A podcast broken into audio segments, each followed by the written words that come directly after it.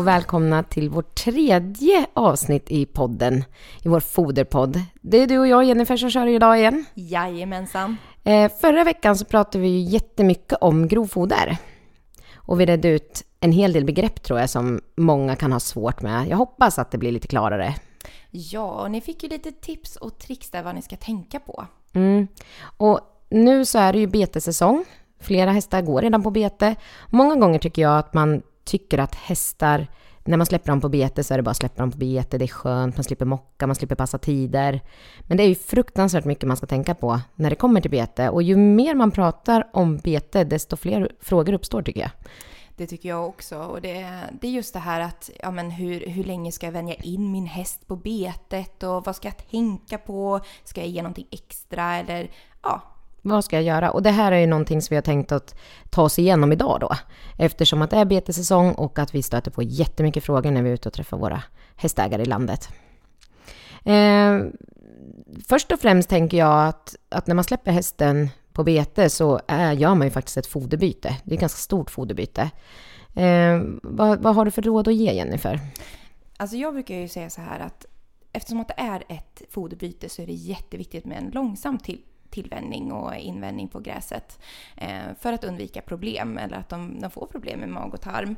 Och eh, jag brukar säga att börja gärna med att, eh, att låta din häst beta, ja men kanske 10-15 minuter första gångerna och sen så ökar man upp det successivt. Och, Vad för problem kan man stöta på?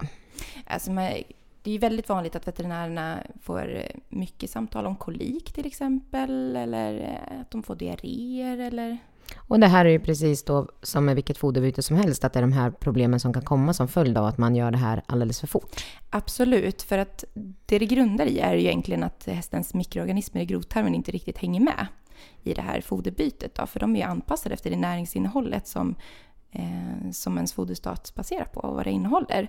Och eh, ett foderbyte brukar man alltid säga ska ta minst två, tre veckor. Mm. Och det är ju inte mindre viktigt bara för att man släpper hästen på bete. Nej. Um, hur skiljer sig näringsvärdet då i, i um, bet på betet jämfört med, med uh, grovfoder till exempel?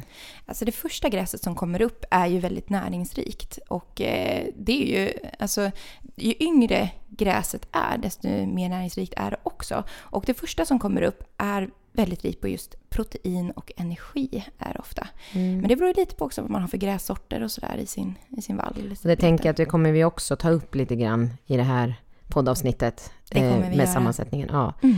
Ehm, och när man byter hage på hästen, vilket man ofta gör, eh, är det någonting mer du behöver tänka på som hästägare? Alltså det man ska tänka på också är ju det här med parasiter och eh, det är alltid bra att kunna mocka sina hagar innan och sådär för parasittrycket.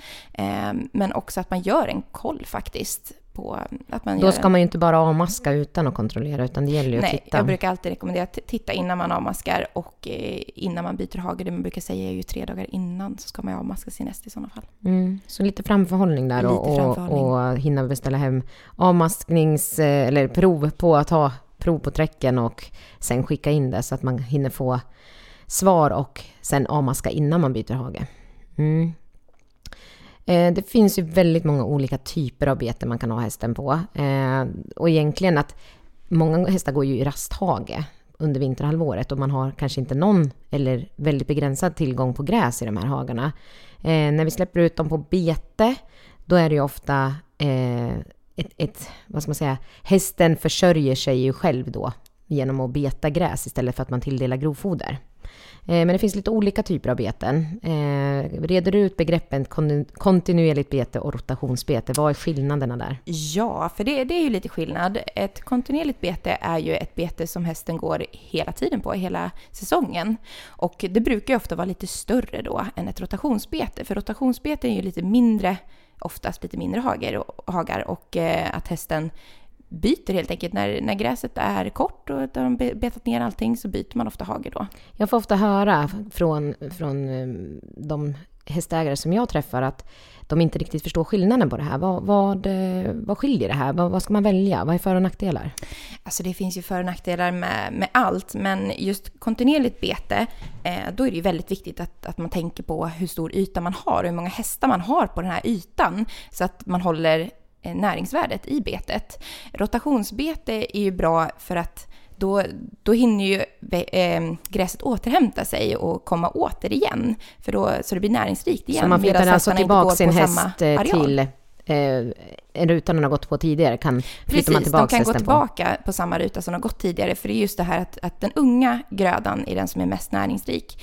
Och eh, har de gått på det tidigare så växer det upp på nytt helt enkelt, nya. Där kan det ju vara lite riskfyllt, till exempel om man har en häst som är lite känslig.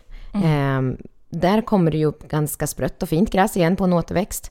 Och eh, har man en häst som har betat gräs under säsongen och sen flyttat runt och kommer tillbaks där det har kommit upp en del nytt fräscht gräs så kan det helt plötsligt hända att det till exempel får fångkänning eller så när den kommer tillbaka den här återväxten.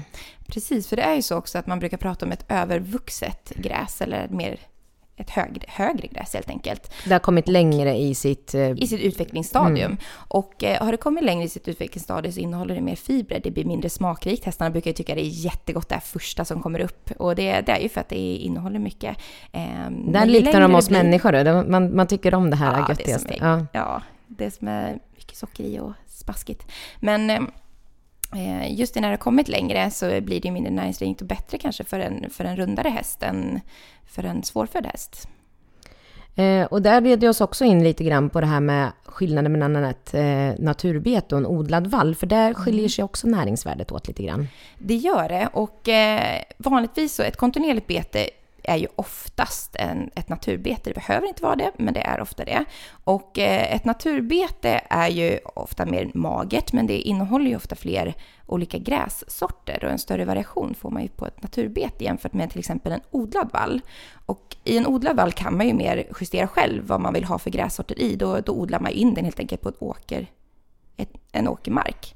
Mm. Och fördelen med en odlad vall kan ju vara också att du kan putsa ner det så att är det så att det har blivit förväxt eller så, så kan du ju putsa ner det. Du kan ju också ta en skörd innan. Innan man släpper på djuren, ja. Och, och, det är ju ofta för att... de kan gå på återväxten som är näringsrik då. Naturbetesmarker ser ju ofta mycket mer kuperade ut. Eh, och där är det svårt att, att köra med maskiner för att göra det här. Utan Precis, det brukar ofta vara skogshagar och eh, ja, så mycket sten och eh, träd. På kuperad terräng, ja. Så det är lite skillnad och där kan man också tänka till lite grann. Har man en häst som är extremt lättfödd så kanske inte en odlad vall är där vi ska föredra att släppa den på. Nej, då är det bättre med naturbetesmarker. Och sen är det ju så att det är ju väldigt viktigt att man tänker på beläggningsgraden, det vill säga hur många hästar man har på antalet areal. Och eh, det där är lite svårt, för det beror ju helt på vad man har för typ av bete, om hur pass näringsrikt det är. Och vilken typ av häst, tänker jag. Vilken typ av häst, mm. minst sagt. För det är ju så att de har ju olika näringsbehov. En, en rund häst behöver ju mindre näring än en lätt, eller svårföddare häst. Och jag tänker, det är inte så sällan när vi kommer ut och gör stallbesök, där man ofta, det är ju inte sällan att man har ett eget stall och kanske har två storhästar och, och en ponny i, mm. i familjen. Och då har man ju behovet av att hästar behöver sällskap, de behöver gå tillsammans. Men man har helt olika typer av hästar där man har två hästar med kanske lite högre behov och sen har man en häst med lite lägre behov. Ja, och det här, det här är ju jättesvårt att lösa på ett bete om man har olika typer av hästar och olika behov. Alltså, det, det är skitsvårt att lösa det. Vad kan man göra då? Jag tänker gruppera hästarna. Alltså det är det mest optimala och man kan ju gruppera dem och ha eh, har de lättfödda tillsammans i eh, mindre näringsrik hage och eh, de är svårfödda ihop i kanske större beteshage med, med bättre näringsvärden i. Man kanske kan försöka, har man bara en sån stackare som inte ska äta så mycket, kanske man kan hyra in någon. låna, hyra in en som också hamnar utanför den ordinarie gruppens mm. eh, behov.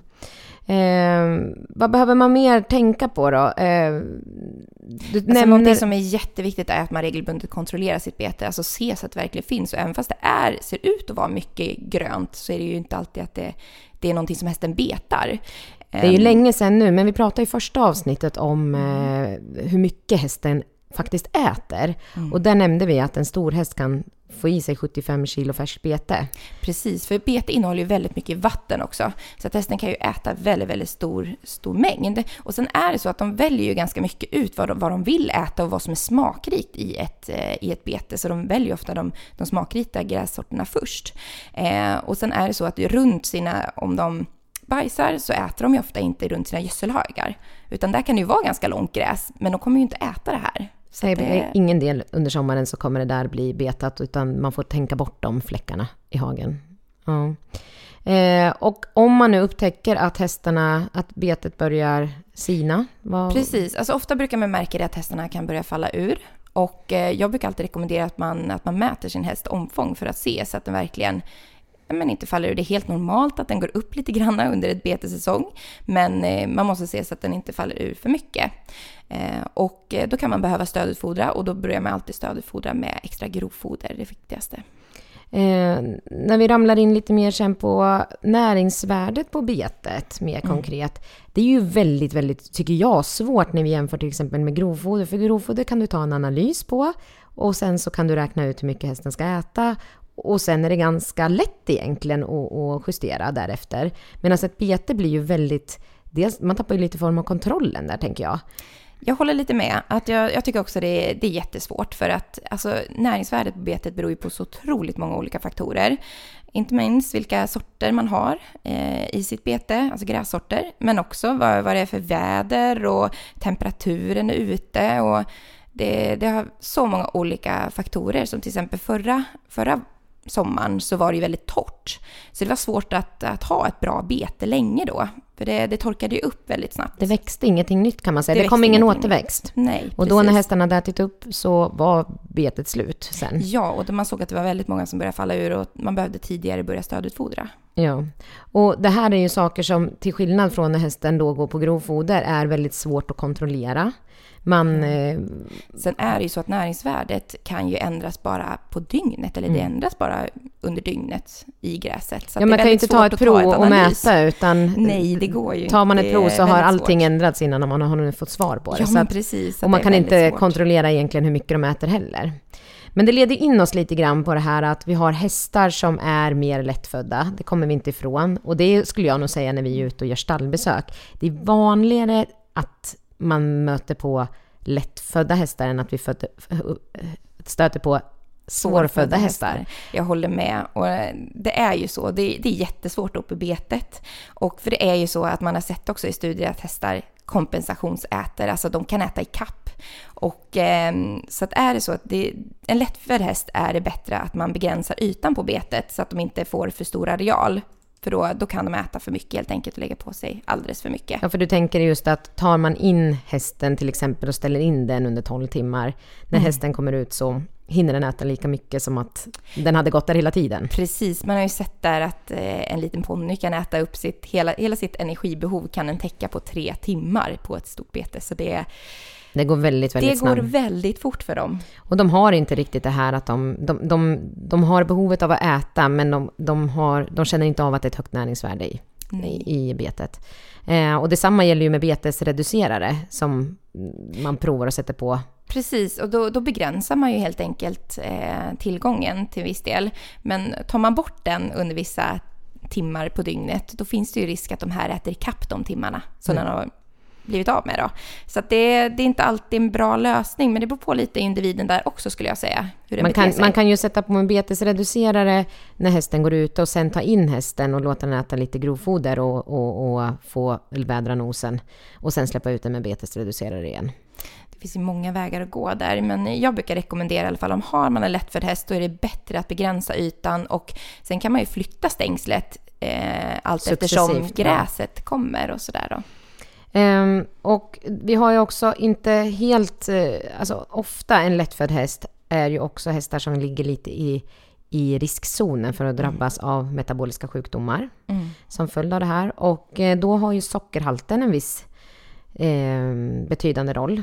Eh, och när vi pratar socker i bete, red ut, red ut det lite grann för Absolut. oss Jennifer. Och det är ju så att har man en häst som är känslig för fång eller tidigare haft fång, då ska man vara väldigt, väldigt försiktig just med gräset.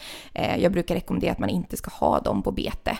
Eh, men är det så, eh, det är ju precis som, som du nämner Linn, det här med sockerhalten är väldigt viktigt att tänka på. För gräs innehåller mycket socker och framförallt den, den liksom tidiga som kommer upp. Men det är också ganska stora skillnader på dygnet faktiskt. Och, eh, för det är ju så att sockret i, i gräset det produceras ju under fotosyntesen, det vill säga när det finns solljus ute. Och sen använder den upp det under natten. Så att egentligen är det lägst sockerhalt på morgonen. Och det är ju någonting man kan ta med sig även när man tänker när man ska slå sitt grovfoder. alltså det är samma princip Absolut. där. Eh, om man vill ha ett grovfoder med lite lägre sockerhalt så mm. skördar man, slår man gräset tidigare. Så att man eh, har lägre sockerhalter i, i gräset. Men jag tänker, många gånger så kan ju folk ringa till mig och fråga om eh, deras häst kan gå på det här eller det här gräset eller är det här och försöker beskriva en övervuxen gårdsplan och det kan vara eh, nedbetat bete. Och det här tycker jag är jättesvårt för det finns, ju det finns inga säkra rekommendationer att ge där. Nej, och det är jättesvårt där utan där, där får man, man får gå efter ögat och eh, eget förnuft helt enkelt. För det, det är jättesvårt för oss att avgöra vad, när, när, vilket näringsvärde det är det i gräset. Och, ehm, men sen är det också det här med sockerhalten beror ju lite på också vilka grässorter man har återigen. För olika grässorter är bättre på att bevara socker än andra och lagra in socker. Sen så när man börjar närma sig frostnätter och sådana där saker, när, för det är ju så att växten producerar ju socker också för att skydda sig mot kyla. Så då kan det bli generellt lite högre sockerhalter i växterna. Och då har man ju, det blir ju lite rörigt upplever jag ofta från kunderna då när man säger att slå gräset tidigt på morgonen för då är det lågt med socker och sen nej men släpp inte ut hästen för tidigt på morgonen när det är frost, frostigt bete. Men det är ju lite grann att när det kommit så långt i säsongen att det börjar bli frost ute, då mm. rekommenderar man ju inte heller att man slår gräset under en frostig morgon. Precis. Och... Ähm, ähm... Olika, olika växters Eh, men vilka olika sorters växter då är lämpliga som betesväxter? Har du lust att, att säga vad man ska tänka på? Ja, alltså det där är också lite svårt och jag tycker att det är, ja, det, det är lite orättvist egentligen för att de flesta fröna som man tagit fram är ju framförallt till nötkreatur och till mjölkkor och ja. Det är inte riktigt framtaget för, för hästar. Nej. Nej. eller det har inte varit det, men nu börjar det komma allt mer. Och eh, det finns ja, lite olika frö man kan välja på där. Och, Vad ska man tänka på, tycker du? Alltså jag tycker man ska tänka på framförallt att de är tramptåliga. Eh, för hästar trampar ner väldigt mycket och eh, de ska kunna stå emot det. man vill så, inte ha de här söndertrampade hagarna som, som bara blir lera? Nej, men man vill ha en, en återväxt också liksom, mm. av, av gräset. Och sen så vill man ju också ha någonting som hästarna tycker om och är smakrikt så att de verkligen äter det som finns. Och eh, det finns lite olika rekommend rekommenderade sorter där och det finns lite olika försök gjort på det. Men eh, lite som man brukar rekommendera just för ett marktäckande och som är, som är lite tramtåligare det är ju om man, om man har bland annat vitklöver, ängsgrö och röd svingel i sin blandning. Men sen brukar man ofta välja grässorter som timotej, rajgräs till exempel, engelskt rajgräs, eh, rörsvingel. Är, och de här, de här som du rabblar upp då, röd svingel, enskrö och vitklöver, de ger ju dels en bra marktäckning, men sen är de ju relativt smakliga betesväxter eh, också. Eh, du berättade ju häromveckan att du hade läst någon, någon studie om det där med smakligheten på Ja, det är ju så intressant med hästar, för de, man tänker ju att de ska Eh, alltså de äter allt och, ja, men hästar är ju extremt selektiva i vad de mm. plockar i sig. Och då har man ju gjort en studie när man har sått olika eh, rutor kan man säga i ett bete med olika fröblandningar. Och på de här eh, olika rutorna så, ja, man släppte ju hästarna på det här och de var extremt selektiva med vilka rutor som de betade på. Och de betade ner gräset rejält kort i vissa eh, rutor och i andra rutor så var gräset det fanns rejäl tillgång, men de valde att inte beta där. Och dessutom så var de extremt eh, fin, alltså det var som en, eh, att de hade gått med måttband i kanterna och eh, varit precision, millimeterprecision i, mellan de här olika rutorna. Eh, och det intressanta, det är ju att när eh, tillgången sedan försvann, alltså det vart torrt, precis som det var förra sommaren, och det inte växte någonting. Till sist fick de flytta över och börja äta de här rutorna som inte var lika smakliga. Men så fort det började regna och det vart en återväxt, då flyttade de tillbaks till den första rutan. Och det här är ju någonting man måste tänka på också. Det är väldigt viktigt just att, att eh, man håller koll på sitt bete för att då börjar, börjar de här näringsrika och goda växterna minska på betet. Då kan de ju faktiskt börja välja växter som inte är bra för hästarna också. Ja, precis. Har man en för liten hage för antal hästar och det växer någonting som inte är bra för hästen i den här hagen så kan det bli att de börjar äta saker som inte är bra för dem. Medan de naturligt sett försöker undvika om de har möjlighet. Återigen det här med beläggningsgraden är ju väldigt viktigt där, att man har rätt antal hästar på den arealen man håller hästarna på. Ja, och sen väljer vi då grässorter efter marken och hästens näringsbehov. Och eh, jag tycker att ett, ett bra rekommendation, för vi får ju jättemycket frågor nu eh, inför betessäsongen. Vad ska vi ha i våran vall? Vad ska vi gödsla? Hur ska vi göra? Och även om vi har utbildat oss länge inom eh, vad ska man säga, husdjurens näringsbehov och hur vi ska täcka det och ensileringsprocesser. Så finns det ju faktiskt andra agronomer som är just inriktade på mark och växt. Ja, alltså de, har, de har ju liksom göttat ner sig fem år i bara växter och gödning och, och, är superduktiga på det här. Och kontaktar man de här företagen som säljer fröblandningar, eh, det finns också oberoende rådgivare, så jobbar de här mark och växtagronomerna där och man kan få en fantastiskt bra hjälp av dem. Så att jag slår ett slag lite för våra kollegor på mark och växtsidan där man kan kontakta dem för då, då kan de det här bättre än vad vi gör faktiskt.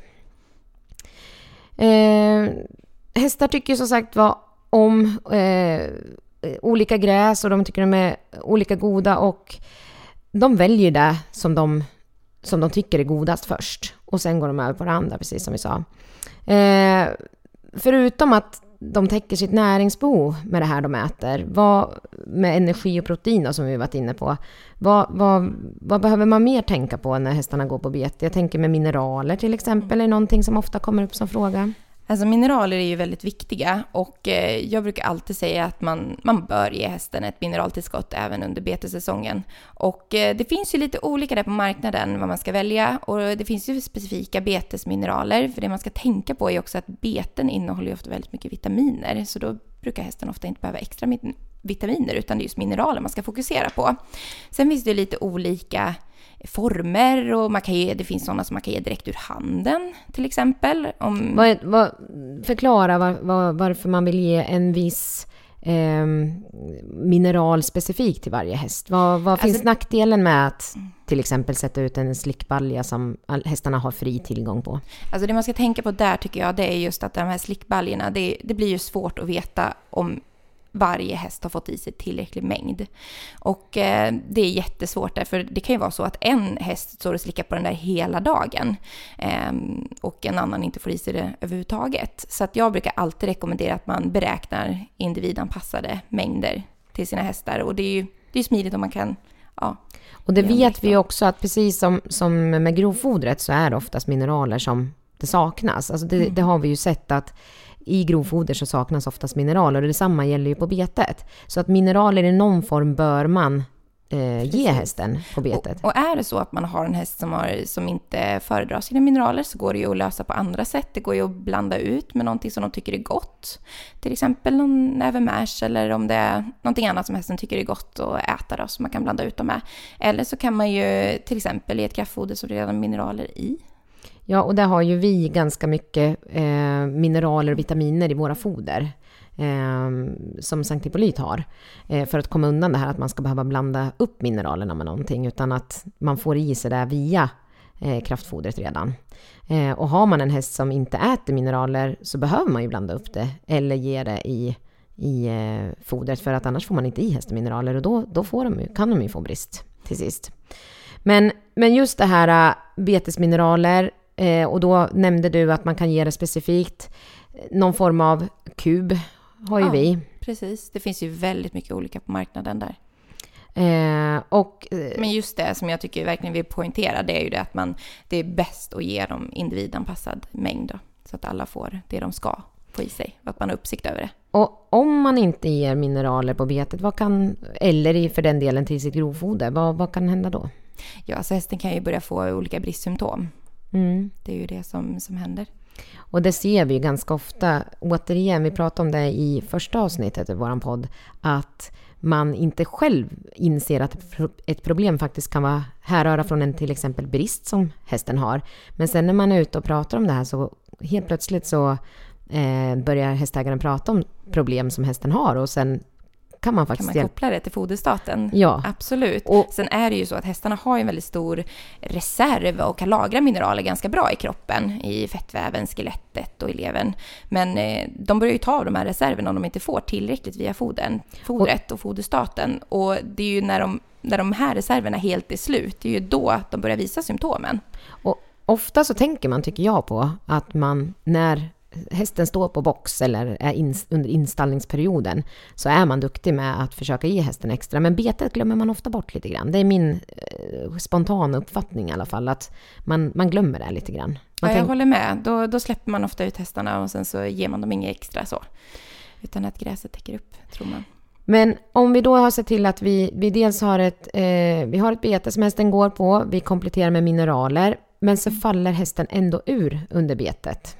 Vad, vad gör vi? Alltså, för att först och främst se att hästen verkligen faller ur så är det ju det här med att mäta omfånget på hästen. Det brukar jag alltid rekommendera för att kunna observera det och fånga upp det väldigt snabbt. Och eh, är det så så brukar jag alltid rekommendera att stödet fodra med grovfoder som sagt i första hand. Det är det viktigaste att man börjar med. Och ibland så kan man behöva lägga till lite kraftfoder om det inte räcker. Eh, men det beror ju också på vad man har för typ av hästar på sitt bete. Alltså det kan vara svårt också det här med att, att ge bara en utav hästarna tilläggsfoder. Om man till exempel har en, lättfödd häst och en svårfödd häst ihop. Då brukar jag säga det att men, men ta in den, den svårfödda hästen och fodra den med till exempel hö, hösolage inne. Så att den får en högre Separerat tilldelning än från den de andra. andra. Ja. Eh, och sen tänker jag inte sällan att vi ser framåt sensommaren, för det är väldigt vanligt att man släpper ut sina avelston på bete. Det är enkelt, och smidigt och de får gå med sina förlungar. Men de här hästarna, vi har inte riktigt kommit in på det än i podden, det kommer vi prata om mycket nästa avsnitt, men hur man ska täcka näringsbehovet och, och så vidare. Och, och men, eh, vad ska man säga, Ston och unghästar har ju ett väldigt, väldigt högt behov. De har ett högt behov och speciellt just under digivningen så mm. får de ju ett väldigt högt behov. Och stona. under den här perioden är det då många som går på bete och det ställer ju enorma krav på betet. Och har man inte koll på hästarna där i tid så är det ju väldigt vanligt att just de börjar falla ur. Ja. De faller ur och jag har fått se ganska ganska ordentligt urmagrade hästar. Och där är det ju jätteviktigt att man följer upp. Och ser till att man har ett tillräckligt bra bete för just de här Precis. individerna. För både... Och tillräckligt stort framför allt, att de hålls på stor yta och att de mm. får i sig tillräcklig mängd så att säga. Ja, jag vet inte. Jag tycker att vi har fått med det mesta som man ska tänka på eh, vad det gäller bete. Men har vi missat någonting så går det ju som vanligt att höra av sig till oss. Och eh, Jennifer, kör igenom. Vad, vad gör man om man vill höra av sig med antingen frågor eller om man har idéer om vad, vad vi mer kan prata om? Ja, antingen så skickar man ju ett mejl till oss på info.hippolyt.se och vi har ju kostnadsfri rådgivning så det är bara att höra av sig. Eller så kan man ringa oss på 0413 486 100. Så kontakta oss om det kommer frågor och sen så ses vi i nästa avsnitt igen. Ja, vad ska vi prata om då Linn?